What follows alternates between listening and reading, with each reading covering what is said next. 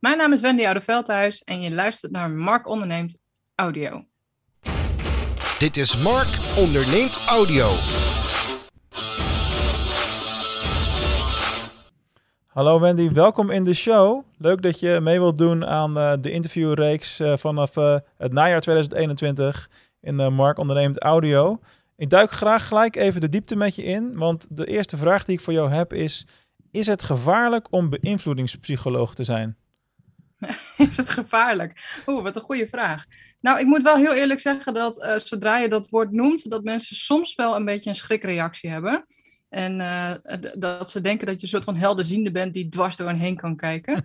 uh, nou, dat is natuurlijk absoluut niet het geval. Dus um, nee, ik denk niet dat het gevaarlijk is. Nee. Is ik denk niet... dat het wel heel veel voordelen met zich meebrengt. Is het niet ook een beetje wat je ermee mee doet? Want ehm, beïnvloeden kan je natuurlijk zowel positief als negatief.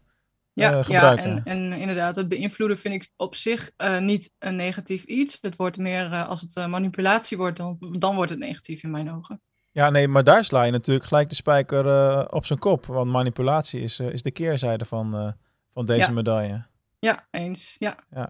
Top. Hey, laten we even een, een, een klein stukje gas terugdraaien. we duiken er diep in, maar natuurlijk terug naar de basis. vertel eens iets over jouw ondernemersreis en uh, ja, wie Wendy eigenlijk is. Um, mijn naam is Wendy Oudeveldhuis. Ik begon op mijn 23ste met ondernemen samen met mijn vriend. Zette ik een bedrijf op uh, voor animatieteams op vakantieparken. En dat deed ik naast mijn uh, gewone werk als marketeer. En in een jaar of tien bouwden we dat bedrijf uit tot een onderneming met 180 medewerkers. Tot het op een moment kwam dat ik dacht, ja, ik ben eigenlijk helemaal niet gelukkig met wat ik aan het doen ben elke dag. Want de werkzaamheden verschoven steeds meer van de leuke dingen naar de niet leuke dingen. Dus ik was heel veel bezig met administratie, met planning, uh, met personeel. Met eigenlijk allemaal heel veel dingen die ik niet zo heel leuk vond en waar ik ook niet zo heel goed in ben. En um, nou, dat was eigenlijk het moment dat ik dacht, nou, ik moet dit niet meer doen. Dus um, we hebben daar heel lang over nagedacht, over gepraat, over te kijken of we verder konden of niet. Ja. Maar uh, ik was al zo ver heen, om maar even zo te zeggen, dat ik dacht, nee, ik moet hier, uh, ik moet hier gewoon uit, uit de branche, uit de wereld. En uh, we hebben toen de bol verkocht. En een jaar lang heb ik uh, eigenlijk niet zo heel veel gedaan. Mm -hmm. Even oriënteren, kijken wat ik, wat ik graag wilde doen. En nou ja, die marketing, dat bleef altijd trekken. dat heb ik altijd naast gedaan, omdat ik dat zo ontzettend leuke wereld vond. En toen dacht ik, ja, weet je, ik begin gewoon weer helemaal opnieuw, vanaf nul. En in mijn eentje kijken hoe ver, ik, uh, hoe ver ik dan weer kom. Ik heb een opleiding tot beïnvloedingspsycholoog gevolgd. Ook de senior nog gedaan. En nou ja, zover zijn we nu. Ik ben nu in mijn eentje weer lekker aan het bouwen. Dat is lekker, hè? Ja. ja, ik vind het heel leuk. En ik moet ook zeggen dat ik het soms ook wel mis om een soort van sparringspartner te hebben. Maar ehm, nou ja, daarvoor heb ik gelukkig een aantal mensen om me heen die af en toe eens met me meedenken. Ja, en um, je gaat echt in een uh, razend tempo even door je complete ondernemerscarrière uh, heen. -hmm. Dat uh, gaan we eventjes een stukje voor een beetje, gaan we lekker even inzoomen natuurlijk, waar allemaal die verschillende hoogte- en dieptepunten lagen. Want um, een van de dingen die ik me afvroeg is, um, als je tien jaar lang ongeveer zo'n zo'n bedrijf runt en je weet ergens in je hoofd, misschien in je hart ook wel van ja, ik wil dit niet meer hoe lang heb je dan uiteindelijk nodig om tot die beslissing te komen? We willen het buiten hoe lang het duurt dat je het gaat verkopen daadwerkelijk, want dan moet je iemand voor vinden die dat, die dat wil. Maar ja, voordat klopt. je echt besluit, oké, okay, ik wil het verkopen. Um, nou, ik weet nog heel goed dat ik samen met mijn vriend in een restaurant zat en dat we uh, voor de eerste keer zo'n gesprek voerden van, joh, uh, is dit onze droom? Is dit wat we graag willen? Zijn we niet te veel bezig met werk? Uh, we hadden inmiddels een kleintje gekregen. En um, nou, dat was in ieder geval de eerste keer dat, dat ik een soort van lucht kreeg van, oh, ik hoef het niet voor altijd te doen, zeg ja, ja, maar. Het is niet, het is niet per definitie in mijn leven de komende 70 jaar. En dat vond ik wel heel fijn. En toen hebben we ook afgesproken, we gaan dit, dit gesprek gaan we elk jaar voeren. In september, dus na het hoogseizoen. En ik geloof dat, nou, pas na een jaar of twee dat ik echt wel de knoop had doorgehakt van, nou, dit is echt niet meer wat ik graag wil dat, dat is eigenlijk wel een normaal proces, toch? Ik bedoel, ik, ja, ik, ja, ik, ik heb geen idee wat niet... normaal is. Volgens mij bestaat er niet echt een normaal in zulke dingen, toch? Dat is ook wel heel waar natuurlijk. Ja. Maar ik kan me goed voorstellen dat twee jaar, dat, dat als je zo lang met iets bezig bent, hè, dat, je daar, uh, dat je daar ook wel flink de tijd voor, uh, voor neemt. Is een beetje ja, en het is natuurlijk ook niet een, een zeker proces. Hè? Het is ook niet zo van, ja, Nee. ik wil dit absoluut niet meer. Zo gaat het niet. Want de ene Nee. keer is het wel heel leuk. En dan de volgende dag denk je, hè, gadver. En de dag daarna is, komt er weer iets langs waarvan je denkt, ja, dit is, dit is waar je het voor doet. Weet je wel? Dus het gaat eh, met pieken en dalen. En eh, ja, wanneer is dan het moment om, om de knoop door te hakken? Ja, dat is altijd heel lastig te zeggen. Ja, het is misschien nooit echt één moment. Misschien is het een soort balans die eh, langzaam scheef groeit. Ja, dat is het zeker. Ja. Ja. Ik heb eh, voor mezelf had ik de 80-20 regel altijd. Ja. Dus 80% van wat ik doe moet me energie geven.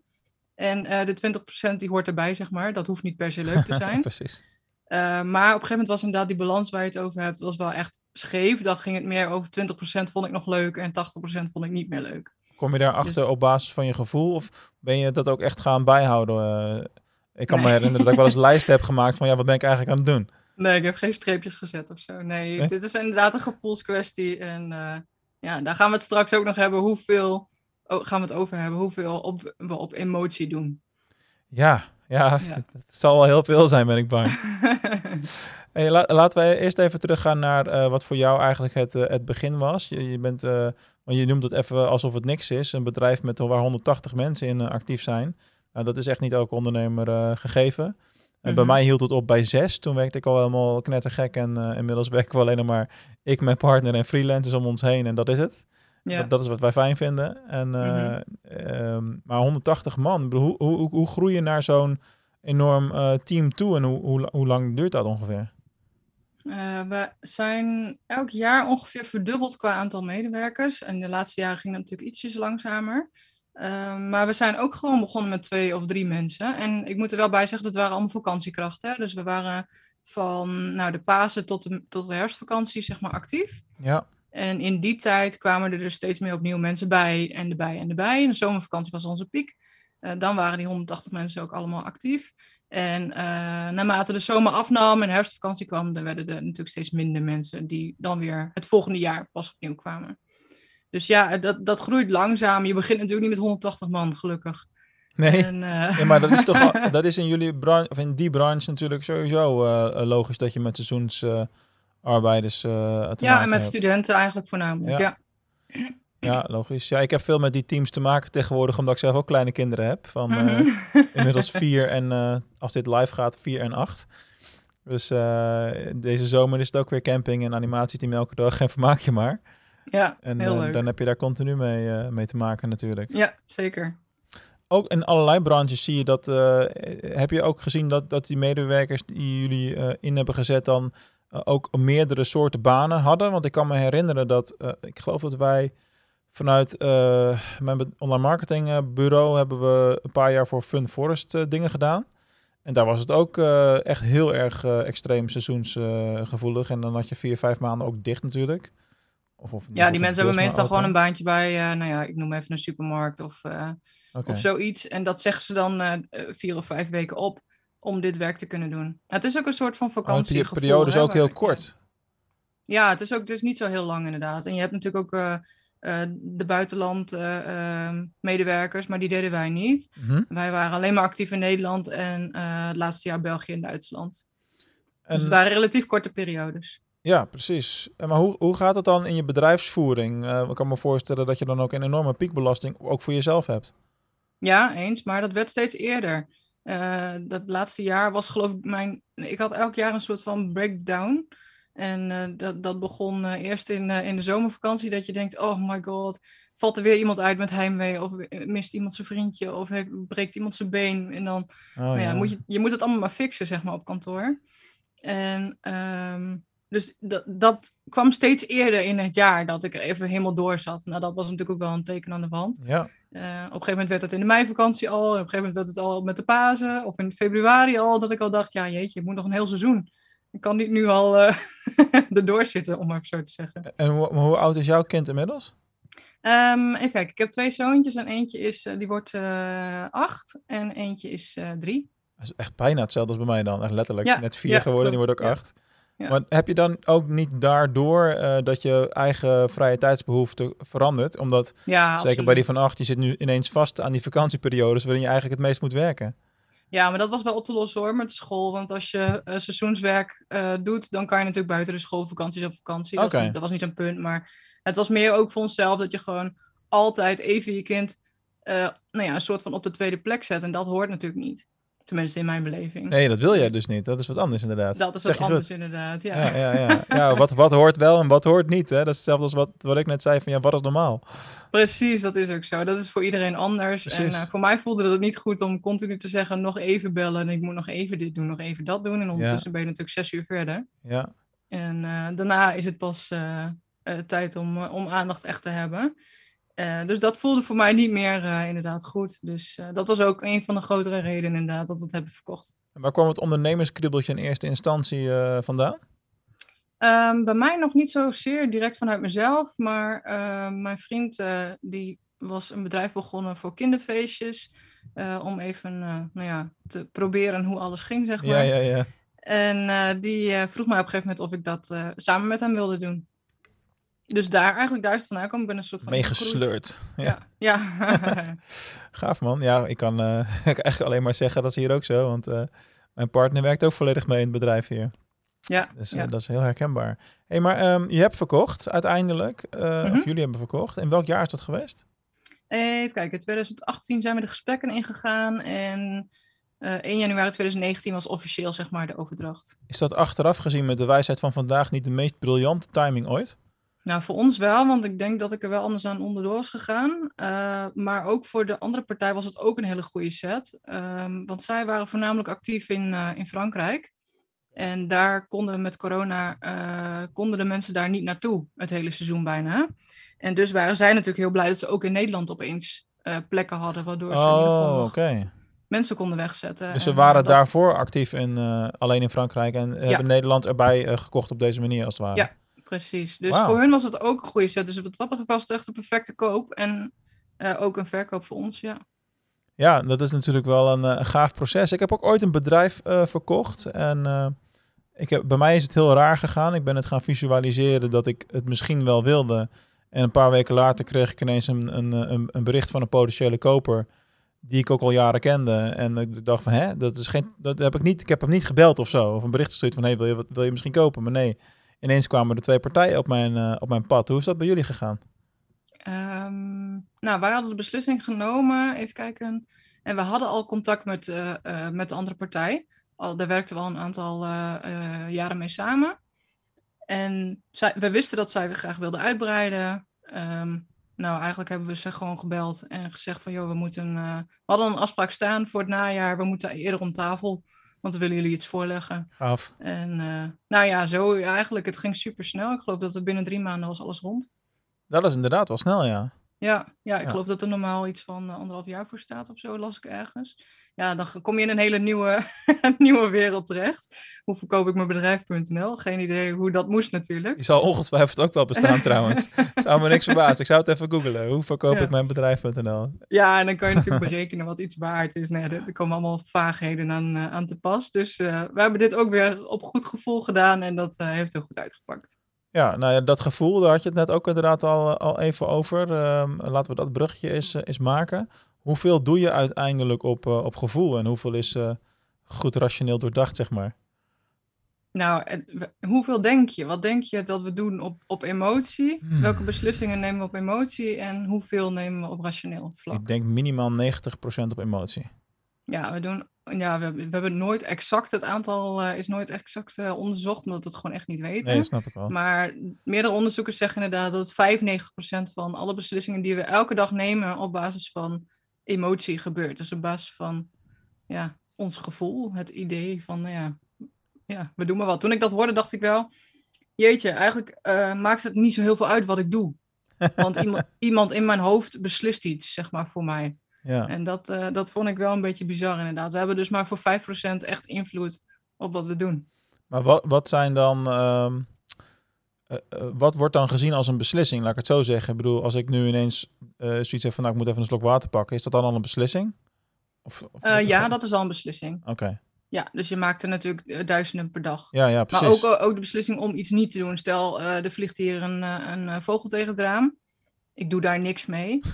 Dat oh ja, dat is ook een beslissing, ja. Ja, dat is ook al een beslissing inderdaad. Maar je uh, onderbewustzijn is daar dus al wel mee bezig geweest. Want die denkt dan, oh, potentieel gevaar, een klap, uh, geluid en uh, beweging. En mijn rationele brein denkt dan van, nou rustig maar, daar hoef je niks mee te doen. Want er is niks aan de hand. Nou, dat is ook al een beslissing. Het is ook al een dialoog tussen die twee breinen. Ja, dat is zeker waar. Ik was me daar laatst toevallig een beetje bewust van. Van beslissingen die je normaal gesproken wat minder bewust voor je kiezen krijgt. Eh, ik was met het gezin in, uh, in Blijdorp uh, in Rotterdam. Mhm. En daar heb je in dat soort parken heb je tegenwoordig allemaal van die verplichte looprichtingen. Dat was natuurlijk nooit zo, maar nu sinds corona doen ze dat wel. Ja. En dan zeggen we, zeg je eigenlijk is het toch relaxed, want je loopt nooit tegen iemand aan en iedereen is een beetje netjes daardoor. Ja. Alleen je, daardoor word je automatisch gestuurd in de beslissing welk kant je oploopt. Ja, je beslist niet meer zelf eigenlijk. Echt hè? Maar vergis je niet, ik denk dat je normaal namelijk ook niet zo heel erg veel zelf beslist in zulke parken hoor. Die zijn echt door en door uh, uh, doordrenkt met nudges, zoals ja, ze dat noemen. Ja, ja, dus uh, duwtjes in de goede richting. Ja, ja dat, klopt wel, ja. Um, alright, um, laten we eens gaan inzoomen op een aantal grote onderwerpen. Hè? Want um, je bent natuurlijk daarna, na een jaartje rust, wat je zelf al zei, ook ja, weer opnieuw het ondernemerschap ingedoken. Maar dan lekker als, als eenpitter. Uh, nou, hoe, hoe was dat in het begin überhaupt? Hè? Om, om gewoon die stap gezet te hebben van uh, groot bedrijf, misschien ook grote verantwoordelijkheden, naar ja, toch uh, iets meer gewoon kijken naar wat je wil vanuit je hart misschien. Ja, het was ook een beetje meer pionieren dan inderdaad. En ook wel een zoektocht, weer opnieuw moet ik zeggen. Ik ben bij een aantal coaches ook geweest, omdat ik dat graag wilde. En ehm, ik uh, geloof wel dat je dan, dan veel sneller kunt. Dus dan mhm. ga je sneller beslissingen nemen, kom je ook sneller tot de kern wat je graag wilt. Ja. En um, nou, naar aanleiding van een van die gesprekken ben ik als marketingcoach begonnen. En daar kwam ik al wel vrij snel achter dat dat toch niet echt mijn ding is, uh, dat coaching. Want ik ben wel iemand die graag dan zelf weer dingen gaat doen. die reis heb ik ook doorgelopen, precies die. ja, dus dat is heel vervelend om dan te merken dat je dan toch weer niet de juiste beslissing hebt genomen. Nou ja, dan ga je weer terug. Oké, wat wil ik dan wel? Wat doe ik het allerliefste? Nou, toen merkte ik dat ik het echt onwijs leuk vind om nou, ook dit soort dingen te doen. Maar ook om te trainen, voor groepen staan. Dat deden we natuurlijk al bij uh, het animatiewerk. Gaven we elke, uh, elk jaar gaven we trainingen. Ja. Dus daar stond ik al heel veel voor groepen. En ik vond dat onwijs leuk om, om die informatie over te brengen met een mooi verhaal erachter. Uh, dat mensen ook echt daarna enthousiast werden en daarmee aan de slag gingen. Dus toen merkte ik van ja, ik wil dat wel eigenlijk graag doen. Um, die leidersrol, dat, dat staat me wel aan, zeg maar. En de coaching is misschien ook iets... Ja, misschien komt het ooit nog wel, maar ik weet niet of ik er nu al klaar voor ben. Weet je, ik kan nog niet zo goed mijn geduld bewaren. En dan uh, erop vertrouwen dat iemand anders het doet zoals ik het wil. Je zei net dat je het uh, vervelend vond om te ontdekken dat je een beslissing had genomen om iets te gaan doen waar je uiteindelijk ook niet blij van, van wordt. Maar is, mm -hmm. Was dat echt vervelend of had je dat misschien nodig om daarna andere keuzes te kunnen maken? Nou, sowieso heb je het nodig, want het blijft een reis. En, en ja. uh, je blijft elke dag weer opnieuw leren van, nou ja, ik heb ook klussen gehad, uh, bijvoorbeeld copywriting, dat ik dacht, ja, nee, dit moet ik ook niet meer doen. Nee, precies. Weet je, dus, dus op een gegeven moment ga je ook maar gewoon heel veel dingen aannemen en heel veel verschillende dingen proberen. Uh, dingen in het onderwijs, dingen in, in, bij gemeentes, bij, bij commerciële bedrijven, inderdaad, trainingen, klussen met campagnes. Dat je denkt, nou ja, ik neem gewoon alles aan en dan komt er vanzelf een soort van moment dat ik denk, ja, nou, dit is het wel en dit is het niet. Dus uh, ja, dat blijft denk ik altijd een reis. Ja, nee, zeker weten. Ik bedoel, uh, dat, dat is ook het mooie aan het, uh, het leven überhaupt en binnen het ondernemerschap specifiek. Ja, maar ik moet wel heel eerlijk zeggen dat ik het dan wel, ik, ik wil het graag in één keer goed hebben en dat lukt niet. Een stukje dus dat... perfectionisme misschien? Nou, daar heb ik gelukkig niet zo heel veel last van, maar ik kan snel bijsturen, dus dat scheelt. Okay. Maar ik vind het, ja, weet je, omdat je al een heel het voelt alsof je al een heel ondernemersleven achter je hebt, zeg maar. En um, wat we in die tien jaar destijds hebben opgebouwd, wilde ik eigenlijk graag binnen een jaar weer opnieuw. En dat oh, gaat natuurlijk okay. niet. Dus dat... dat... gaat veel te snel. Je, je kan het niet vergelijken in het laatste jaar met je vorige bedrijf. Je, je nee. moet het vergelijken met het eerste of het tweede jaar in je vorige bedrijf. Ja, precies. Maar dat lijkt ook niet helemaal te matchen met uh, het soort bedrijf wat je nu uh, hebt opgestart. Heb je daar ook de ambitie om weer een heel team te bouwen dan? Nee, dat niet, maar wel uh, hoe het daar stond, zeg maar, qua marketing, qua branding, qua oh, bekendheid. Als iemand zei animatiewerk, dan, nou ja, dan wist je wel wat voor riedeltje daar achteraan hoorde, zeg maar. Dat ja, waren leuke mensen, weet je wel, allemaal, allemaal dat soort nou ja, subjectieve woorden, zeg maar, kon je daar wel bij verzinnen. En dat was nu natuurlijk met mijn nieuw bedrijf. Ja, moet je weer helemaal opnieuw beginnen. Ja. En uh, ja, dat kost gewoon even tijd. Ja, dat kost zeker even tijd. Hey, als je op jouw website uh, kijkt, komen een paar dingetjes tegen waarvan ik, hey, dat uh, herken ik wel. En dat roept natuurlijk ook vragen op, waaronder werkt verliestaal nog steeds zo goed? Ja, wat grappig is, ik heb een onderzoek daarover gelezen vorige week toevallig nog. En daar kwam eigenlijk uit dat je dat vooral gewoon moet testen. En, en, voor de mensen die nog niet nu denken van verliestaal, wat is dat? Uh, je kan uh, bijvoorbeeld zeggen, je kunt nu nog drie dagen gebruik maken van dit aanbod. Of pas op, dit aanbod verloopt over drie dagen. Nou, die laatste is verliestaal. Dus dan schrijf je in de vorm van, als je dit niet doet, dan gebeurt er iets ergs. Um, daar hebben we jarenlang op gevaren dat dat uh, een, een ding is. Mm um, maar goed, ik las vorige week dus inderdaad in een onderzoek, die hebben dat allemaal onderzocht. En was volgens mij een Nederlandse professor, heeft dat onderzocht. En die zei toen van ja, ik, ik, we weten niet of dat uh, per definitie altijd beter is. Dus dat geeft weer een hele nieuwe kijk op, uh, op marketing en psychologie. Ja, maar is zoiets niet ook gewoon altijd aan verandering onderhevig? Want um, uh, ik, ik geloof dat ik in mijn boek Succes met e-commerce in 2014 al het over verliestaal had. Mm -hmm. En toen heb ik er ook weer met iemand anders die, waar, die, waar de bron dan weer was. Anyway, dat, dat loopt al zo lang dat op een gegeven moment kennen de consumenten die technieken allemaal al. En dan moet er weer iets, iets nieuws doorbreek, doorbrekends komen. Omdat... Mm. Ja, ja en nee. Want als je inderdaad de techniek altijd op dezelfde manier inzet, is dat inderdaad zo.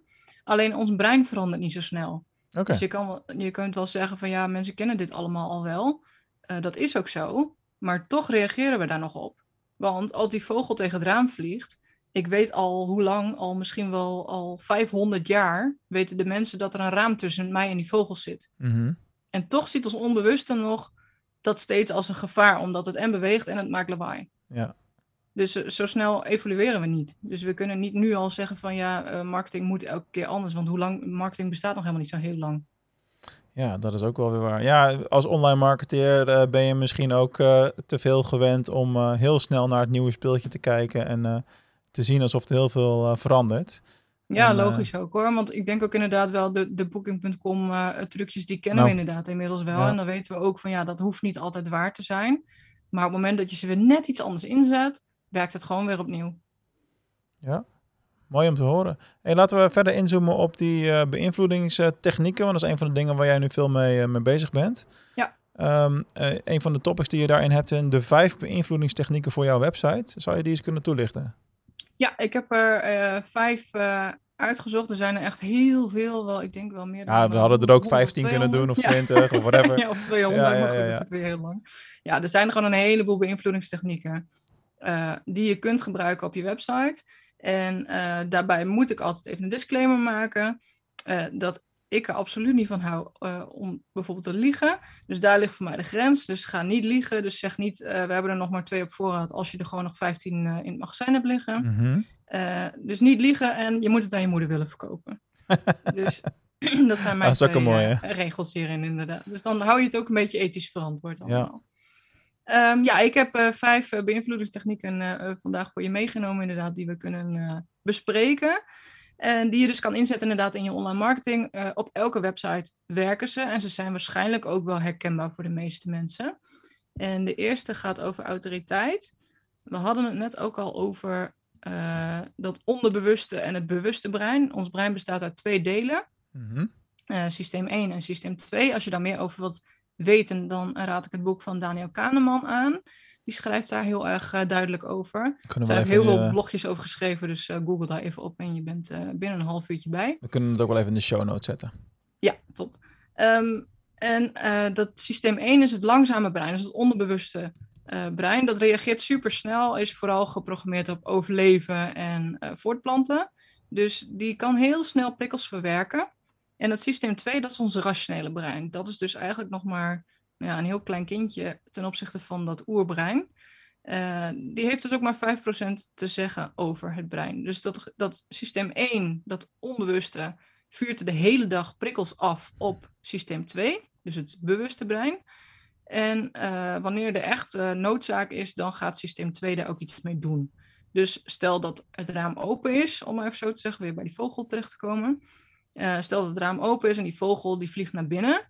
Nou, dan is het niet langer een systeem 1 ding. Dan komt systeem 2 ook in actie. Want dan moet die vogel worden gevangen en die moet weer naar buiten. Dus zo kan je het een beetje zien. Ehm, je hebt ook nog uh, oud-hoogleraar psychologie en auteur van het boek Invloed. Dat is uh, Robert Cialdini. Ja, dat is ongeveer de bekendste, denk ik, in, uh, in de markt van marketingpsychologie. Um, hij heeft zeven beïnvloedingstechnieken opgezet of opgeschreven. En hij heeft heel veel leuke voorbeelden. Dus ik zou zeker, als je een keer een videootje of een webinar of zo van hem kan volgen. Hij heeft altijd heel veel leuke voorbeelden. Dus dan zou ik dat zeker doen. Cialdini um, wordt ehm, best veel gebruikt, hè? Ook gewoon door heel veel andere specialisten. Klopt. In Nederland. Bij mij in Venlo is ook een bekend uh, voorbeeld. Marjolein Bongers heeft een, een, boek geschreven, met, ook gebaseerd op die zeven beïnvloedingstechnieken. Mm -hmm. Dit wordt heel veel gebruikt door de meest geciteerde psycholoog inderdaad in de marketing. Ja. Ja. ja, en het komt omdat zijn boek is heel vermakelijk geschreven en heel toegankelijk. Dus iedereen snapt dit. En, en dat maakt het ook wel, uh, wel heel leuk inderdaad aan, maar ook dus heel makkelijk kopieerbaar. Waardoor ja, ik denk eigenlijk dat je niet meer heel erg afwijkend bent als je alleen maar op Cialdini vaart. Dus ik zou zeker zeggen, ga ook even iets breder. Want er zijn nog zoveel meer mooie boeken over, over die psychologie in, in marketing. Uh, maar ik moet zeggen, Cialdini is wel echt een van de helden natuurlijk. Want het is iemand die altijd heel vermakelijk mooie verhalen kan vertellen met hele goede voorbeelden. Ja. Um, van hem komt ook de beïnvloedingstechniek autoriteit. En dat gaat ervan uit dat we bijvoorbeeld op jonge leeftijd al leren dat een dokter gelijk heeft als het gaat over gezondheid. De tandarts heeft gelijk als het gaat over je gebit. Um, de, de loodgieter, als die zo'n mooie jas aan heeft en die staat voor de deur, dan denk je, ja, eh, fijn, nu komt er iemand met kennis van zaken binnen, die gaat me helpen. Dus het is um, zo geprogrammeerd, zeg maar, vanaf jongs af aan al, dat we de expert of de autoriteit geloven. En zelfs als we weten dat er een acteur in een doktersjas staat, uh, maakt dat niet zoveel verschil voor ons onbewuste, want we, die reageert alsnog hierop. Um, dus die kun je goed inzetten voor je eigen website. Dan denk je, nou hoe dan? Want ik ben geen tandarts. uh, maar je kan bijvoorbeeld zeggen, onze expertise ligt op het gebied van. Daarmee laat je zien, ik ben een expert. Um, eh, die je dus moet geloven of kunt geloven. Is het, niet beter om, is het niet beter om het door anderen te laten zeggen, met reviews bijvoorbeeld? Ja, maar dan kom je weer op een andere beïnvloedingstechniek. Okay. dat kan zeker, maar je kan dit ook zelf doen. Dat is social proof heet dat, dus ook van Cialdini. En daarmee laat je zien dat je bij een groep hoort. Je hebt wel een beetje, je hebt wel een beetje gelijk hoor, want uh, in 2014 toen mijn eerste boek uitkwam, toen heb ik op de achterkant bij mijn mini-bio, heb je dan, uh, moet je wat tekst schrijven natuurlijk, toen heb ik opgeschreven is... Uh, Mark de Groot is veel gevraagd spreker en trainer op het gebied van e-commerce marketing, bla bla. Ja. En daarna werd ik veel gevraagd. ja, maar dat is precies inderdaad. Want je hebt jezelf dus neergezet als autoriteit. Ja, en daardoor, dat is toch ook wel een, uh, een overtuigende beïnvloedingstechniek inderdaad. Waardoor mensen denken van, oh ja, die heeft het vaker gedaan, dus een expert op dat gebied. Dus ja, je moet het toch moeten we die ook hebben. Ja. Uh, je kunt het ook laten zien bijvoorbeeld door logo's toe te voegen van opleidingen die je hebt gevolgd. Uh, weet ik veel, awards die je hebt gewonnen. Uh, ik pas het zelf toe in mijn eigen website door te laten zien in welke media ik ben verschenen. Dus ik heb logo's van het AD en van de Volkskrant en van RTL Nieuws en zo erop staan. Um, dit is ook een manier voor mij uh, als gast in een, in een podcast om te laten zien dat ik ja. een autoriteit ben op een bepaald gebied. Uh, je kunt zeggen hoeveel ervaring je hebt, certificaten plaatsen. Je kunt jezelf in bedrijfskleding laten fotograferen om je expertise te benadrukken. Ja, je kunt eigenlijk best wel veel doen om te laten zien dat jij een autoriteit bent. Eens. Um, nou, dat is de eerste denk ik al wel. Dus ik denk dat, dat heel veel mensen hier al wel echt mee aan de slag kunnen. En op elke website gaat het ook werken. Um, ja, sterretjes erbij. Hoeveel, uh, weet je wel, van die vijf sterren heb je, de, heb je van die dingetjes. Het hoeft niet eens ergens echt vandaan te komen, maar het helpt al om, uh, om vijf sterretjes te gebruiken. Ja, maar zolang je het maar ethisch goed kunt verantwoorden, wat jij eerder ook al, uh, al zei. En de dingen die je claimt moeten wel uh, waar zijn in mijn optiek ook. Of waar gemaakt Precies, kunnen ja. worden. Dat, dat gevoel heb ik ook altijd wel een beetje. Zeker als het om deze beïnvloedingstechniek uh, gaat. Die zit zeker ook in mijn uh, arsenaal, zeg maar.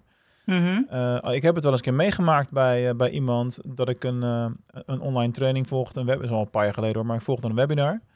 En een werknemer van mij had, was zich ook, had zich ook ingeschreven, maar kon niet kijken. En ja, dan krijg je zo'n aanbod alleen het eerste uur na het webinar. Die, die deal, de deal komt niet meer terug, bla bla bla. Wat denk je, een dag later krijgt mijn werknemer krijgt dezelfde mail met van, oh hier heb je nog alsnog een kans om het te kopen. En een week later komen we ook nog eens dezelfde Facebook advertenties tegen. Uh, met weer een, nieuwe datum voor hetzelfde webinar. En dan zit je in mijn optiek echt, echt scheef te varen. Het werkt, eh, helaas werkt het. Dat is wel wat ik erbij moet zeggen. Want uh, ja, dat is iemand die wel succesvol is. In die zin financieel gezien. Maar ik zou dat ethisch gezien niet lekker vinden. Nee, en dan kom je wel gelijk ook op de tweede beïnvloedingstechniek inderdaad, die ik heb opgeschreven. Dat is de schaarste. Um, daar zit ook de, de FOMO, de fear of missing out bij, en loss aversion, dus verliesaversie. Daar houden we niet van. Dus alles wat gebaseerd is uh, uh, op verlies en op negativiteit, nou ja, dat zie je heel veel online en ook inderdaad op verschillende websites. Uh, Groupon is daar bijvoorbeeld helemaal op gebouwd. Uh, uh, van die, hoe heet het, die ticketveilingen. ja, ja, ja vakantieveilingen. Hoe, hoe, hoe, zenuwachtig word je als je iedere keer die seconde zit wegtikken en jij hebt dat aanbod nog niet. Ja. Nou, mensen worden daar heel hebberig van, want ze denken dan, ja, dit komt nooit meer terug. Dus als je het wil, moet je het nu doen. Ja, nou, de dingen in de aanbieding inderdaad, wat jij zegt. Uh, dit aanbod komt niet meer terug. Nou, 9 van de 10 keer komt het nog wel terug. In het, um, in het voorjaar van dit jaar hadden we daar natuurlijk gigantisch veel mee te maken met Clubhouse. Ja, dat was ook absoluut een van de uh, technieken die zij hebben toegepast. Ja. ja. Eén grote FOMO, als je niet live, live meeluistert, is het weg. Ja, dat was ook zo inderdaad. En ook wel de schaarste, omdat um, er waren natuurlijk niet onbeperkt plekken vrij. En autoriteit hebben ze daar goed ingezet. Oh ja, want ja. als Elon Musk er zit en Bas Smit zit er, ja, dan wil jij er toch ook wel zitten. Ja, bij, bij Elon heb ik dat wat meer als bij Bas, maar dat is persoonlijk. dat is misschien persoonlijk. Dat is persoonlijk. ja. Ja, maar dat, zeg, dat zie je wel inderdaad. Ja, daar heb ik ook nog een artikel over geschreven destijds. Ja, ja leuk. Weer niet. Ja, allemaal toch? En daarnaast helemaal weer ingekakt. Ja, ja, inmiddels is het wel een beetje weg. Dus ze hebben het niet kunnen vasthouden, helaas. Maar dus... goed, je weet maar nooit hoe het gaat. Want misschien komt er straks nog weer een opleving. dus uh, ik zou er nooit te veel uitspraken over doen, zomaar. Inderdaad, inderdaad. ja. Um, even kijken, die schaarste en de FOMO en de losse version, die lijken wel een beetje op elkaar. Um, nou, wanneer een dienst of een product schaars is, dus als er niet veel of niet vaak beschikbaar is, dan wordt het in ons onderbewuste meer waard. Um, dus als de kans op bezit kleiner wordt, dan willen wij het liever hebben. Nou, dat komt natuurlijk ook weer terug uit uh, vroeger, uit de oertijd. Um, als er weinig voedsel was, had je minder kans op overleven. Uh, je zag ook dat bijvoorbeeld mensen op locatie gingen heel veel eten. Um, dat deden ze omdat er op die plek dus heel veel was. Ze konden het niet meenemen, dus uh, dan moest het allemaal snel uh, worden opgegeten. Mm. dus we reageren heel erg sterk op verlies, veel meer dan op winst. En dat heeft Kahneman ook onderzocht. Um, als je een, een tijdelijke aanbod hebt. Nee, wacht, mensen reageren veel sterker op verlies. Dus dat gaat veel harder zeg maar, in ons brein dan wanneer we iets kunnen winnen. Ja, ja, 100%. Is er, ja. is er ook een manier om die techniek in te zetten bij iets waarbij je er eigenlijk niet kunt uh, waarbij je eigenlijk uh, een ander soort aanbod hebt. Moet ik misschien even uitleggen? Ik heb met uh, het, het, platform wat ik heb, succes met e-commerce, daarin, dat heb ik in 2018 gelanceerd als gratis platform, tijdelijk. Dus de eerste paar maanden ging het gigantisch hard met de leden, want op een gegeven moment ging die ook op slot en daarna werd het een betaalde ledenomgeving. Mm-hmm. Nou, inmiddels is daar een jaar geleden of zo is die strategie weer omgedraaid en heb ik daar een volledig gratis platform van gemaakt, waar nu dit jaar elke maand een nieuwe training in, uh, in verschijnt. En uh, het platform is ook genomineerd voor een Computable Award. En er is heel veel PR omheen in 2021, dus dat gaat heel erg lekker. Dus die autoriteit en, en pers en zo, dat gaat allemaal goed. Mm -hmm. Alleen ik merk gewoon dat de, dat de FOMO er niet is, uh, waar het gaat om het promoten van... word nu gratis lid, want dan kun je al die trainingen bekijken. En daar heb je heel veel aan. Dus dit is echt zo'n typische, je hebt iets te winnen situatie. Ja, Alleen ik en weet, het is er altijd. Ja, en het is er altijd. Ik kan daar niet echt een FOMO van maken, maar dat, ik wil ook gewoon dat het er altijd is. Ja. Is daar een, is daar een, uh, een ander haakje voor wat je wel zou kunnen toepassen? Want het heeft echt wel impact op, uh, ja, op conversie bijvoorbeeld. Vanuit dat is ook zo. Misschien kan je nog wel iets extra's doen. Dat je zegt, uh, we maken deze training tijdelijk nou ja, de McDonald's zie je dat ook natuurlijk veel. Die, die, uh, haalt de ene burger naar de andere burger, halen ze weer van het menu af. Ja. Om hem een jaar later weer toe te voegen. Ja, dat is echt zo, ja. Ja, en dat is ook een soort van uh, verliesaversie. Van ja, je kan het nu nog halen en, en over drie weken is die eraf, weet ja, je wel? Die training gaat offline, ja, ja, ja. En we weten niet of die nog weer terugkomt. Dat zie je natuurlijk wel heel veel met webinars En dat ze zeggen voorlopig de laatste of de laatste voor de vakantie. Nou ja, dat, dat zijn van die. ja, het, eigenlijk, uiteindelijk zijn het wel allemaal een beetje trucjes, moet ik heel eerlijk zeggen. Ja. Dus ik zou bijna zeggen: als je geen schaarste hebt, ga er dan ook niet mee lopen pushen. Want het is gewoon niet waar wat je dan verkondigt. Ja, dat is het hele ding. Dus wat je probeert te doen is zoeken naar een manier waarop je wel de hogere conversie kan halen op een gratis product notabene trouwens. Dat is ja. natuurlijk wel een interessante statement überhaupt. Mm maar ehm, zonder dat je inderdaad die schaarste nodig hebt, dat is natuurlijk de, de volgende grote truc. Ja, dus maar dan zou ik uh, niet voor schaarste gaan kiezen. Nee, precies. Als je, niet, uh, als je het niet hebt, zeg maar, kan, ja, je kan het faken. Maar ja, dan wordt het een beetje booking.com en dan riskeer je dus ook die grote boetes. nou ja, goed, ik verdien daar op zich in, in, die, in die fase geen geld aan natuurlijk. Dus dat is allemaal relatief. Want dat platform is er niet puur voor commerciële redenen. Dat is er ook om uh, uh, voor de studenten die ik heb op uh, de hogeschool bijvoorbeeld. Die, die verwijs ik daar ook allemaal naar en die maken daar ook gebruik van. Dus ik gebruik Ja, dat is tof. Maar dan zou ik dus meer inzetten op bijvoorbeeld social proof. al zoveel mensen gingen je voor of zoveel mensen maken er gebruik van. Nou, je zegt het is genomineerd een Computable Award. Dat zijn autoriteitsdingetjes. Ja. Dus dan, dan zou ik mijn arsenaal iets anders inzetten dan alleen maar op schaarste. Ja. Uh, met schaarste is het ook gewoon echt, vind ik, als dat het schaars moet zijn. Dus moet een tijdelijke actie.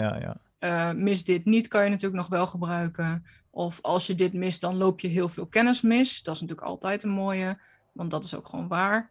Uh, een early bird korting kun je inzetten. je kunt een, een, beperkt aantal producten of plekken voor een dienst verkopen. Je kunt bijvoorbeeld een, ik noem even iets, een webinar met nou ja, maximaal 10 plekken of maximaal 12 plekken of een extra coaching weggeven voor, voor een bepaald aantal mensen. Nou ja. dat, dat, is, dat is wel zo, hè? je schaarste kun je het natuurlijk tot op zeker hoogte altijd wel creëren. Ja, dat geloof ik wel. Je kunt altijd een extra dienst inzetten en maar beschikbaar maken voor een aantal ja, mensen. eens. Nou, helemaal top. Um, we hebben er nu geloof ik twee gehad. Ja, klopt. We ben benieuwd naar de derde. Nou, de derde is heel uh, easy eigenlijk, want dat is gemak.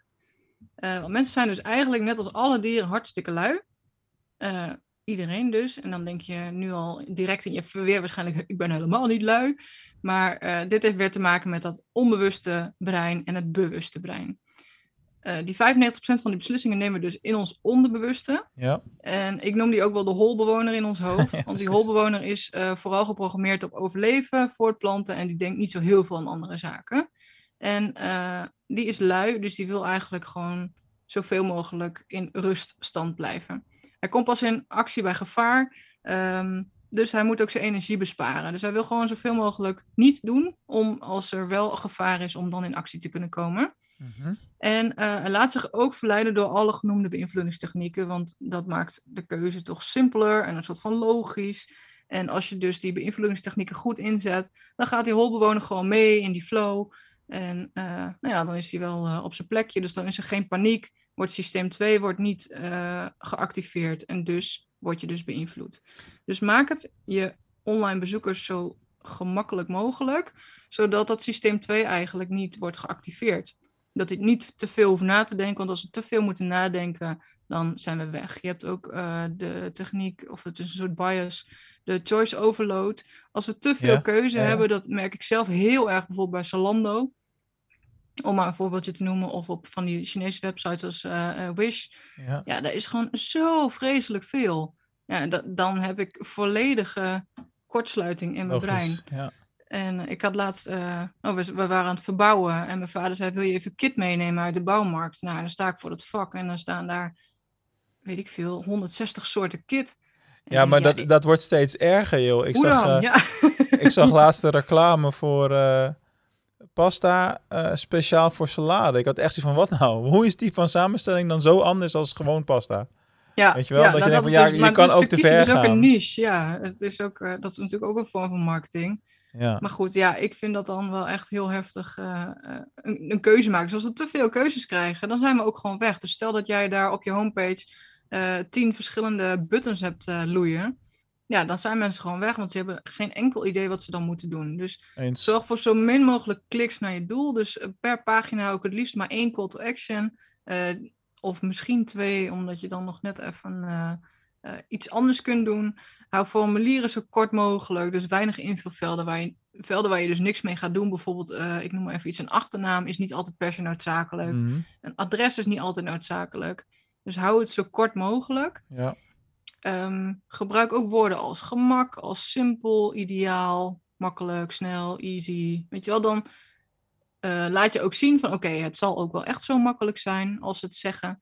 En laat de gewenste situatie zien, zodat je bezoeker het eindresultaat ook al voor zich ziet. Maar dat is misschien dus ook wel de sleutel, hè? dat je inderdaad alleen de velden vraagt die je per se wil, uh, wil hebben. Absoluut, uh, zie je nog zoveel fout gaan. Nou ja, kijk, als je, als je bij mij op het platform lid wordt, dan moet je door een bestelproces heen. Dat is om je te mhm. laten wennen aan een soort betalingsproces. Maar ja, het is uiteindelijk 0 euro. Maar goed, het gaat erom dat je een keer door dat proces heen bent gegaan, want dan is het de volgende keer wat makkelijker. Ja. Alleen, ik vraag daar dus ook inderdaad geen fysiek adres, voornaam, uh, e-mailadres, telefoonnummer, that's it. Ja. En dan weet ik wel dat ik wat conversie verlies op telefoonnummer, maar ik heb nou eenmaal in mijn follow-up systeem heb ik zitten na vier weken moet er een signaal komen naar iemand die gaat bellen van joh, uh, je bent nou uh, vier weken lid, hoe gaat het? Wat vind je mhm. ervan? Kunnen we je met iets helpen? Want ja, uiteindelijk zit er natuurlijk een verdienmodel achter. Maar ja. dat is dus een hele bewuste keuze. Ik heb liever wat minder conversie in de bruto uh, zin, zeg maar. Mm als als dat, dat ik iedereen daar krijg, maar dat ik ze niet kan nabellen. Ja, en dat zijn natuurlijk ook de keuzes die je maakt als marketeer. Uh, je hebt natuurlijk die psychologie aan de ene kant, je hebt ook gewoon je marketing aan de andere kant. Dat is gewoon sales, uh, hard, conversie. Ja. Uh, je moet geld verdienen. En als je kijkt vanuit die, alleen de psychologie, dan, nou ja, dan krijg je dus een hele simpele website. waar je waarschijnlijk niks hoeft te doen, want dat, dat past niet in het brein. maar als je inderdaad kijkt vanuit marketing, dan wil je gewoon dat mensen wel iets gaan doen. Dus dat, dat moet je dan zo makkelijk mogelijk maken. Precies. Ja. ja de weg van de minste weerstand. Precies dat, inderdaad. Uh, Don't Make Me Think is ook een uh, boek uh, wat daar leuk bij past. Ja, precies. Die ken ik wel. Wel gevaarlijk soms hoor, die, die techniek. Of ja, soms eigenlijk als je naar de laatste 30, 40 jaar kijkt in onze maatschappij. Waarin iedereen langzaam dichtslipt en, en dikker wordt. Ja, dat heeft heel mhm. veel met deze te maken. Wat, wat, is er beschikbaar, wat is er beschikbaar voor mensen als je onderweg bent bijvoorbeeld. Hè? Als je dan bewust gaat worden van de keuzes. Het wordt wel beter, moet ik zeggen, de laatste paar jaar. Maar het is natuurlijk al heel lang zo geweest dat je nooit echt goede keuzes kan maken. Ehm, ja, ja en nee, want ik denk ook soms dat de groenteboer kan ook deze technieken inzetten. Jawel, maar even een heel suf voorbeeld misschien. Maar stel je gaat naar, uh, naar een evenement. Uh, ik noem even een voetbalwedstrijd. Uh, Nou, mhm. dan is mijn club een heel slecht voorbeeld daarin. Eh, ik ga met mijn zoon naar, uh, naar Feyenoord uh, regelmatig. Nou, wat gebeurt er dan? Je, je, koopt de muntjes en dan ga je kijken wat is er te krijgen. En het gaat niet verder dan snacks in de gefrituurde categorie en snoepgoed en frisdrank. Het, het gezondste wat je daar kan kopen is een kop thee. Ja, dus dat hebben ze dan heel gemakkelijk gemaakt. Dus al de junkfood. Allemaal junk. ja, daar gaan we ook goed op hoor, moet ik zeggen. Want dat, dat geeft ook een soort van ja, comfort food noemen ze het ook natuurlijk wel.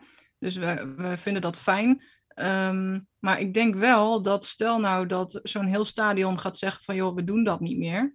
Of we maken dat moeilijker, we maken daar een hogere drempel. En, en we plaatsen er een kraam naast met allemaal leuke, uh, leuk verpakte groenten of leuk verpakt fruit. Dan weet ik zeker dat dat, dat, dat 50-50 gaat worden. Daar heb je helemaal gelijk in. Want uh, dat zie je bijvoorbeeld, uh, om nog maar eens een fastfoodketen te noemen, McDonald's goed doen tegenwoordig. Mhm. Ehm, als je daar voor zo'n bestelzeil staat uh, en je hebt je kind eh, op de arm, dat, heb ik wel eens gehad, en dan, dan kijken ze met je mee, wat kan ik kiezen? Ja. En bij die Happy Meals tegenwoordig is het, uh, bij het drinken bijvoorbeeld, uh, zijn alle echt zoete troepdrankjes in eerste instantie buiten beeld.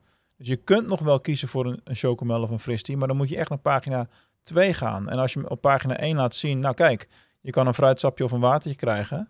Eh, en eh, kies jij maar. Dan uh, gebeurt 9 van de 10 keer niet dat ze denken: hé, hey, ik wil naar de volgende pagina. Dat is wel slim. Ja, en dat heeft ook weer te maken met zo'n default modus. Ja, en, en dus een soort van ervan uitgaande dat dit de normale variant is. Ja, ja. ja, en ik denk dus ook dat het met voetbalwedstrijden prima kan werken. Alleen, ja, er zal in het begin natuurlijk heel veel weerstand zijn, omdat het anders is. Ja, dat gaat in fases, joh. Bij de meeste voetbalstadions zitten ze net in de fase van dat je niet meer mag roken op tribunes. Dat levert toch heel veel weerstand op bij veel mensen. niet bij mij persoonlijk. Ja, je ziet het in de supermarkt ook al wel. Weet je, ja, we worden ons wel steeds bewuster, gelukkig. Uh, maar ik denk ook wel dat er nog heel veel stappen te maken zijn. Ja. Echt wel. ja, nou goed, dat is uh, een lang, uh, lang proces en heeft weinig weer met online te maken natuurlijk. Maar zo zie je maar, die beïnvloedingstechnieken, die kom je overal tegen. Ja hoor, ja, elke dag als je erop let is het helemaal, uh, helemaal een beetje spooky. Ja, ja, ja dat, zal, dat zal jij vast wel, wel vaker hebben. Ja. Oh, dit gebeurt daar. Oh jee. ja, inderdaad. Ja. Je hebt, uh, ja. Elke dag kom je dit honderden keren tegen. Alleen ben je er niet bewust van, omdat je het niet altijd weet. Nee, inderdaad. En soms is, moet ik ook zeggen, soms is het zo slim gedaan dat, dat je het zelf ook niet meer ziet. Maar heb je niet ook af en toe dat, je het, gewoon lekker, dat het gewoon lekker is en dat je zoiets hebt van, nou, neem maar maar mee, beïnvloed me maar. Zeker, maar dat, daar heb je, je hebt ook geen keuze, dat gebeurt toch. Want ik, uh, hoewel ik, ik me er wel bewust van ben. Ik ja, heb wel de illusie dat ik keuzes heb hoor. Maar uh, dat, is natuurlijk, uh, dat is natuurlijk die neurotische drang die heel veel mensen hebben om controle te hebben over dingen. Die er helemaal, Absoluut, dat is, de, dat is het grootste wat we willen inderdaad. We willen graag heel veel controle, maar uh, dat wordt ook wel gefijnst dat we dat hebben.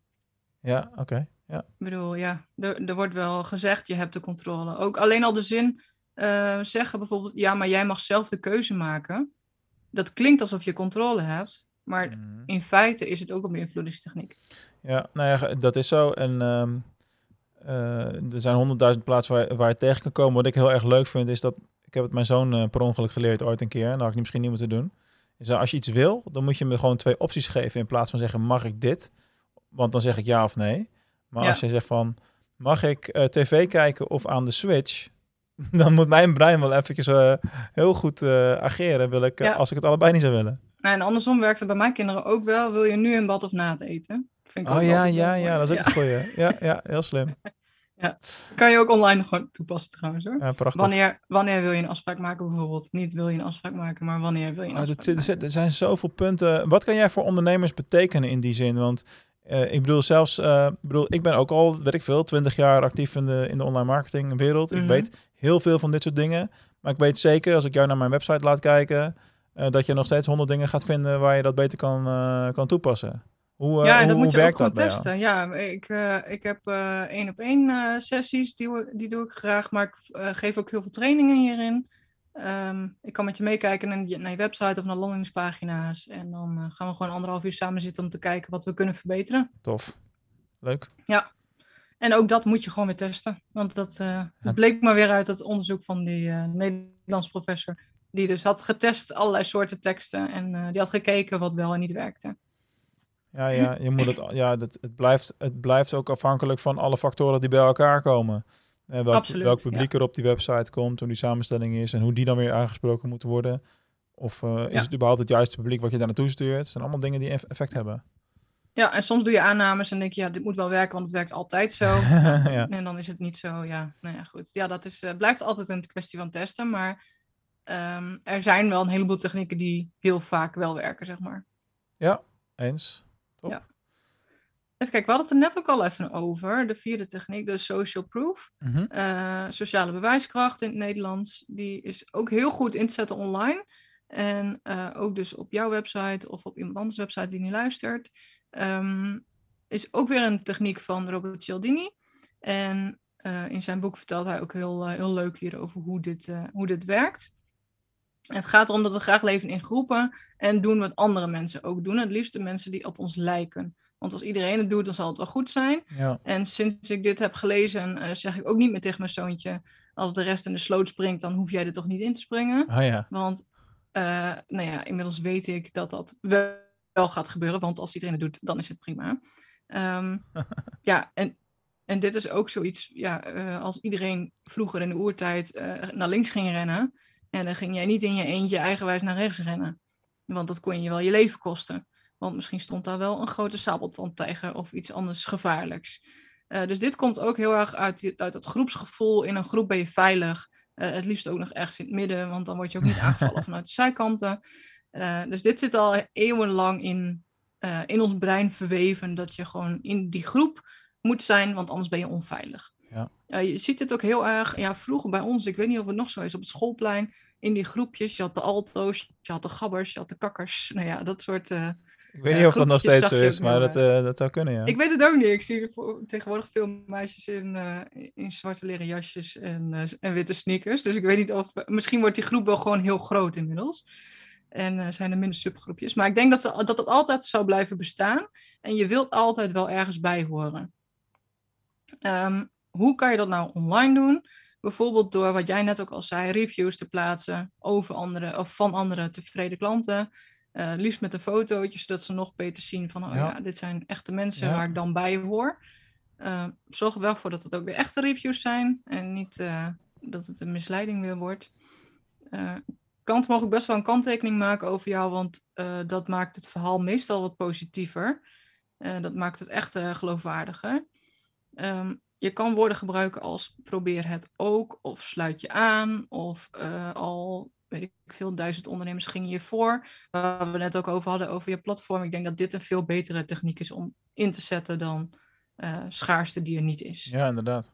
Ja. ja. en je ziet het ook veel dat mensen werken met aantallen. Bijvoorbeeld, al 350 mensen kochten het boek op de eerste dag dat het uitkwam. Of de afgelopen jaar hielp ik meer dan 70 ondernemers. Of kwam ik uh, 10.000 keer in de pers. Of weet je wel, schreven zoveel mensen over mij. Ja, ja, ja. Nou ja, dat zijn uh, allemaal social proof voorbeeldjes. Dus uh, zorg ervoor dat mensen zich aan willen sluiten bij jou. Ja, ja, helemaal top om, uh, om te gebruiken. En in e-commerce eh, wereld, hè, want een groot deel van mijn doelgroep, het zijn natuurlijk webwinkel-eigenaren. Mm -hmm. daar is het grotendeels ook al geautomatiseerd na bestellen. dat mensen een reviewverzoek krijgen. Ja. En daar zie je soms aantallen reviews bij webwinkels staan. Zo'n duizendingwekkend hoe groot die aantallen zijn. En daar heb je weer een andere uitdaging. Daar moet je ook een beetje letten op uh, hoe vaak stuur je iemand zo'n uitnodiging. Want ja. als je het elke keer gaat doen als iemand bij je bestelt, zeker als het een trouwe klant is die herhaaldelijk terugkomt, dan wordt dat op een gegeven moment irritant. Dat is een hoge irritatiefactor ja. inderdaad. Ja. ik, wat ik zelf doe, maar dat is natuurlijk voor die webwinkels niet te doen. Ik stuur mensen altijd persoonlijk een e-mailtje of ik bel ze even. Ja, nee, dat gaat bij webwinkels niet werken, nee. Dat is voor de webwinkels niet heel handig. Maar misschien kan je het dan doen bijvoorbeeld bij de tweede aanschaf of zo. En niet bij de eerste gelijk. Want soms krijg je ook van die uitnodigingen dat ik denk, ja, moet ik serieus over, over veters een review invullen? Ja. Nou, ik had laatst een, uh, een trainee in een groep die uh, heeft echt een webwinkel geopend, echt specifiek een veters. Nou, dat is echt een nou, specialist. Dat dus wel dan, ja. dat zal je altijd zien. Ja. Alright. En hebben we er nog eentje over? Denk ja, ik. in ieder geval voor, voor vandaag, ja. Ja, ja, ja. Ja, um, wat je heel weinig nog ziet en wat je wel goed kan toepassen op elke website is de gaze queuing. En gaze queuing, dat betekent dat je de kijkrichting van je uh, gebruiker of van je bezoeker kan sturen. Ah, ja. Bijvoorbeeld door letterlijk een foto van jezelf te plaatsen uh, en je kijkt ergens naartoe. Ik denk, ja, dit is een heel bekend voorbeeld van zo'n baby in een advertentie. Uh, die kijkt eerst richting de camera. Dus dan zie je dat uh, met eye tracking kunnen ze, dat, ja, uh, kunnen ze dat goed meten. Dan zie je dat de rode vlekken, dus waar de meeste mensen kijken, zitten vooral in de ogen van de baby, omdat die je aankijkt. Ja. Um, en op het moment dat de baby naar de titel van de advertentie kijkt, dus die is een beetje gedraaid richting de titel, en hij kijkt ook letterlijk naar rechts, dan zie je ook dat de ogen van de mensen naar rechts gaan. Nou, dit kan je online ook gewoon heel goed toepassen ja, door zeker. inderdaad ja, foto's te gebruiken nou ja, van jezelf of van andere mensen, van dieren uh, die een bepaalde richting opkijken of wijzen. Uh, het wordt namelijk nog sterker als je ook letterlijk wijst. Zo simpel nou ja, zijn ik, we dus. Ik zal je vertellen, je moet voor de gein eens op mijn uh, social media gaan kijken, want ik doe dat heel vaak. Ik heb dus een laatste, of ja, een laatste paar maanden terug een fotoshoot gedaan. Mm -hmm. en, en, die fotograaf vroeg op een gegeven moment van waarom ik regelmatig... Hij vond het tof, maar waarom wijs ik vaak? Ik zei, nou, dat is juist iets wat ik veel ga gebruiken. Want uh, ik heb heel vaak foto's waar ik dan iets in zet. En ja, dan wil ik dat daarna precies. gekeken wordt. En, uh... Ja, met je fotografie kan je heel goed rekening mee houden. Als je maar een stukje leeg laat aan de linker of aan de rechterkant, of aan de boven- of aan de onderkant. Precies. Dan uh, kan je daar inderdaad een nieuwe een titel inzetten, of een call to action, of een button. Ja, ja. wat je maar wilt. Nee, dat wijzen, dat kijken, dat is echt goud. Ja, dit is gewoon iets wat, wat heel sterk werkt. Um, wij zijn ook de enige soort op de wereld die echt heel veel oogwit heeft. Dus als wij ergens naartoe kijken, dan uh, zie je dat ook heel goed. Dus ja. daar, nou ja, dat is ook iets uh, waarschijnlijk, weet ze niet helemaal zeker natuurlijk, uh, vanuit vroeger dat op het moment wij konden communiceren, zeg maar, door, door te kijken. Door zonder woorden of zonder geluid, zeg maar. Nooit, nooit bij stilgestaan. Ik heb bijna de neiging om allemaal foto's van dieren op te ja, zoeken. Ja, je wilt het even googlen nu, hè? Ik heb het namelijk ook zelf gedaan. Ik dacht, nou, dat kan niet waar zijn. Nee. Maar het, was wel, het is wel echt zo inderdaad. Wij hebben van alle diersoorten de meeste, het meeste oogwit. Dus daardoor werkt dit ook veel sterker uh, voor ons. Wij zijn hier ook op geënt. Uh, dit is ook wel iets dat je bijvoorbeeld gezichtjes ziet in dingen.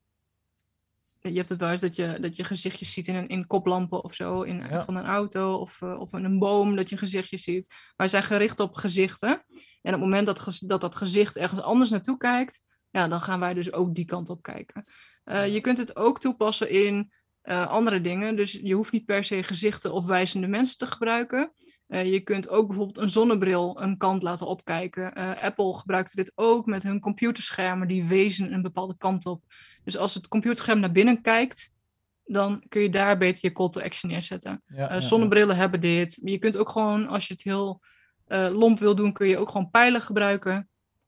Ja, ja, precies. Ja, weet je, ons onderbewuste re reageert daar gewoon op. Ja. dat hebben we heel vaak, het 15 jaar geleden denk ik dat wel vaak, ja. Dat klopt, dat klopt wel. Dat is wel echt erg. Dat het gewoon werkte. Maar we, eventjes een uh, geavanceerde tip daarbij dan van mijn kant, want ik heb het al vaak gezien. Mhm. Ehm, let goed op het medium uh, waar je zo'n techniek inzet en test alles goed door. Want websites zijn responsive. Uh, Video's op YouTube uh, worden op verschillende manieren afgespeeld, bijvoorbeeld. En de, de, foto op Facebook ziet er een stuk anders uit als op desktop als in je, op je mobiel. Ik heb al vaak genoeg gezien dat dan teksten zijn afgebroken of dat het niet meer klopt. Of dat je in YouTube iemand ziet doen. Hey, vond je deze video leuk? Klik dan hier. En ik wijs nu naar beneden voor de podcastluisteraar. Van ik klik dan hier op subscribe. En dan staat er helemaal geen. Staat het rechtsboven, weet je wel. Ja, dat soort... op, op mobiel net iets anders inderdaad. Als het valt, die wijzende vinger valt net weg. Ja, dus uh, let, let er in godsnaam op dat als je het ergens toepast, dat het ook op alle formaten uh, blijft werken, zeg maar. Ja, ja, je kan het best al in de foto dan editen waarschijnlijk. Maar ja. Ja, toch? Ja, zeker waar. Hartstikke tof. Nou, we zijn al uh, bijna een uur bezig. Hoog tijd om een beetje richting een, uh, een afronding uh, te gaan onderhand. Ik weet niet hoe jouw dagplanning er verder uitzag. ja, ik moet nog wel wat doen inderdaad. Dat bedoel ik, dat bedoel ik. We hebben vijf, de vijf beïnvloedingstechnieken die ja, top of mind waren bij jou in elk geval hebben we nou besproken. Daar hebben we heel veel van geleerd. Hartstikke tof. Um, Graag gedaan. ga een beetje luchtig proberen te eindigen. Um, hoe vaak verander jij jouw e-mailhandtekening? Nou, vrijwel nooit. Want het viel mij op in jouw e-mail dat je onder het met vriendelijke groetstukje had je nog een soort, en je zet er dan niet letterlijk PS bij, maar je had nog een soort extraatje daaronder staan. Ja, daar letten mensen het meeste op. Ja. Op, op de PS. Maar dat, dat is ook een beïnvloedingstechniek, hè? Absoluut. Ja, uiteindelijk zit alles er vol mee hoor. Ik, doe, ik heb zelfs gisteren, uh, dan serveer ik een pizza aan, aan de kindjes en dan uh, doe ik ze op kleinere bordjes, zodat het... het meer lijkt. Ja, ja, ja, ja, ja. Dus uiteindelijk ben je de hele dag daarmee bezig. Als je, ja, je wordt ook wel gek als je het elke dag helemaal bewust moet doen hoor. Maar... Nee, maar ja, zo'n e-mailhandtekening doe je één keer bewust. Ik heb hem ook, weet je wel. Maar is het ook zo'n mhm. PS, uh, lidmaatschap is nu gratis, bla bla. En elke paar maanden zet ik daar neer wat ik wil promoten. Net zoals dat ik uit een ander boek van uh, uh, Sep Fontaine Pennock heet die geloof ik. Mm heb ik één gouden tip uitgehaald, die ik al vijf jaar gebruik nou. Is dat ik eindig mijn mail, als ik een reactie wil, dat is wel een belangrijk detail. Als ik denk, het gesprek is klaar, doe ik het niet. En het is gewoon mijn vriendelijke groet, doei. Maar als ik een reactie wil, dan zeg ik altijd, ik kijk uit naar je reply. Ja, of ik hoor graag van je, hoe klinkt dit? Ja. iets met een vraag. Ik zou er dan zelfs nog een vraagteken achter proberen te zetten. Want dan is het niet af. Scherp. En mensen willen graag dat iets af is. Het kan altijd, precies. Ja. dat kan altijd nog erger. Oké, eh, laatste, laatste vraag. En uh, het lang geleden dat ik die vraag heb gesteld. We zijn nu weer begonnen aan een nieuwe, een nieuwe serie natuurlijk. Maar ik heb een jaar of vijf geleden van een klant destijds... heb ik ooit ehm, een, een doos met duizend pingpongballen gekregen. Mhm. En toen vroeg ik mezelf af, wat zou, ga ik hier in godsnaam mee doen? Maar dat was nadat ik die vraag ook al vijf jaar lang in de podcast aan het stellen was. Nou, oké, twee keer vijf jaar klopt waarschijnlijk niet. Het, de totale optelsom zal misschien zeven jaar zijn, maar goed dan nog. Dus ik stelde uh, toen al heel vaak de vraag in de podcast, en ga ik bij jou nu ook doen. Wat zou je doen met duizend pingpongballen? Yo, ik heb echt geen idee. Ik denk serieus dat ik ze naar de voedselbank zou brengen of zo. Of naar zo'n speelgoedbank. ja, wat moet je ermee? Geen idee. Ja. Ja, ik, ik hoop dat andere mensen daar dan wel blij van worden, laat ik het zo zeggen. Oh, je zou er niet eens, je zou er niet blij van worden, nee. Nee, nee, ik hou, nee, ik ben, ik probeer een beetje te ontspillen. Dus, uh... Oh ja, oh, dat is ook een hele trend natuurlijk. dat ja, het lukt niet altijd hoor. Maar met duizend pingpongballen in huis lukt het al helemaal niet. Het is ook een typische sollicitatievraag uh, schijnbaar. Dan zou je iets zeggen over de, de, de aard. Want de echte verkopers zeggen bijvoorbeeld, ik zet op marktplaats. En oh, creatievelingen oh, zeggen, ik bouw er een vlot van. En noem het allemaal op. Ja, ja, je kunt er heel veel mee. Je, kunt, je kunt er heel veel mee. Ja. Alright, uh, waar kunnen we meer over jou uh, vinden en zien? En als mensen enthousiast zijn van ja, ik moet een keer een sessie uh, plannen met Wendy, waar moeten we dan heen? Even kijken, dan ga je naar www.bureausnugger.nl Bureau Snugger. Goeie naam. En te volgen op LinkedIn, daar post ik veel. Wendy Oudeveldhuis. En op Instagram wendy.ov. Helemaal top. Wendy, dankjewel voor je tijd. Ik vond het ja, erg jij leuk. bedankt. Heel leuk. Erg leerzaam. En uh, voor uh, alle luisteraars, uh, dit was weer de eerste aflevering in een nieuwe serie. Gaan er weer vele interviews volgen de komende maanden. Dus houd het kanaal in de gaten. Bedankt vandaag voor het luisteren. Tot de volgende keer.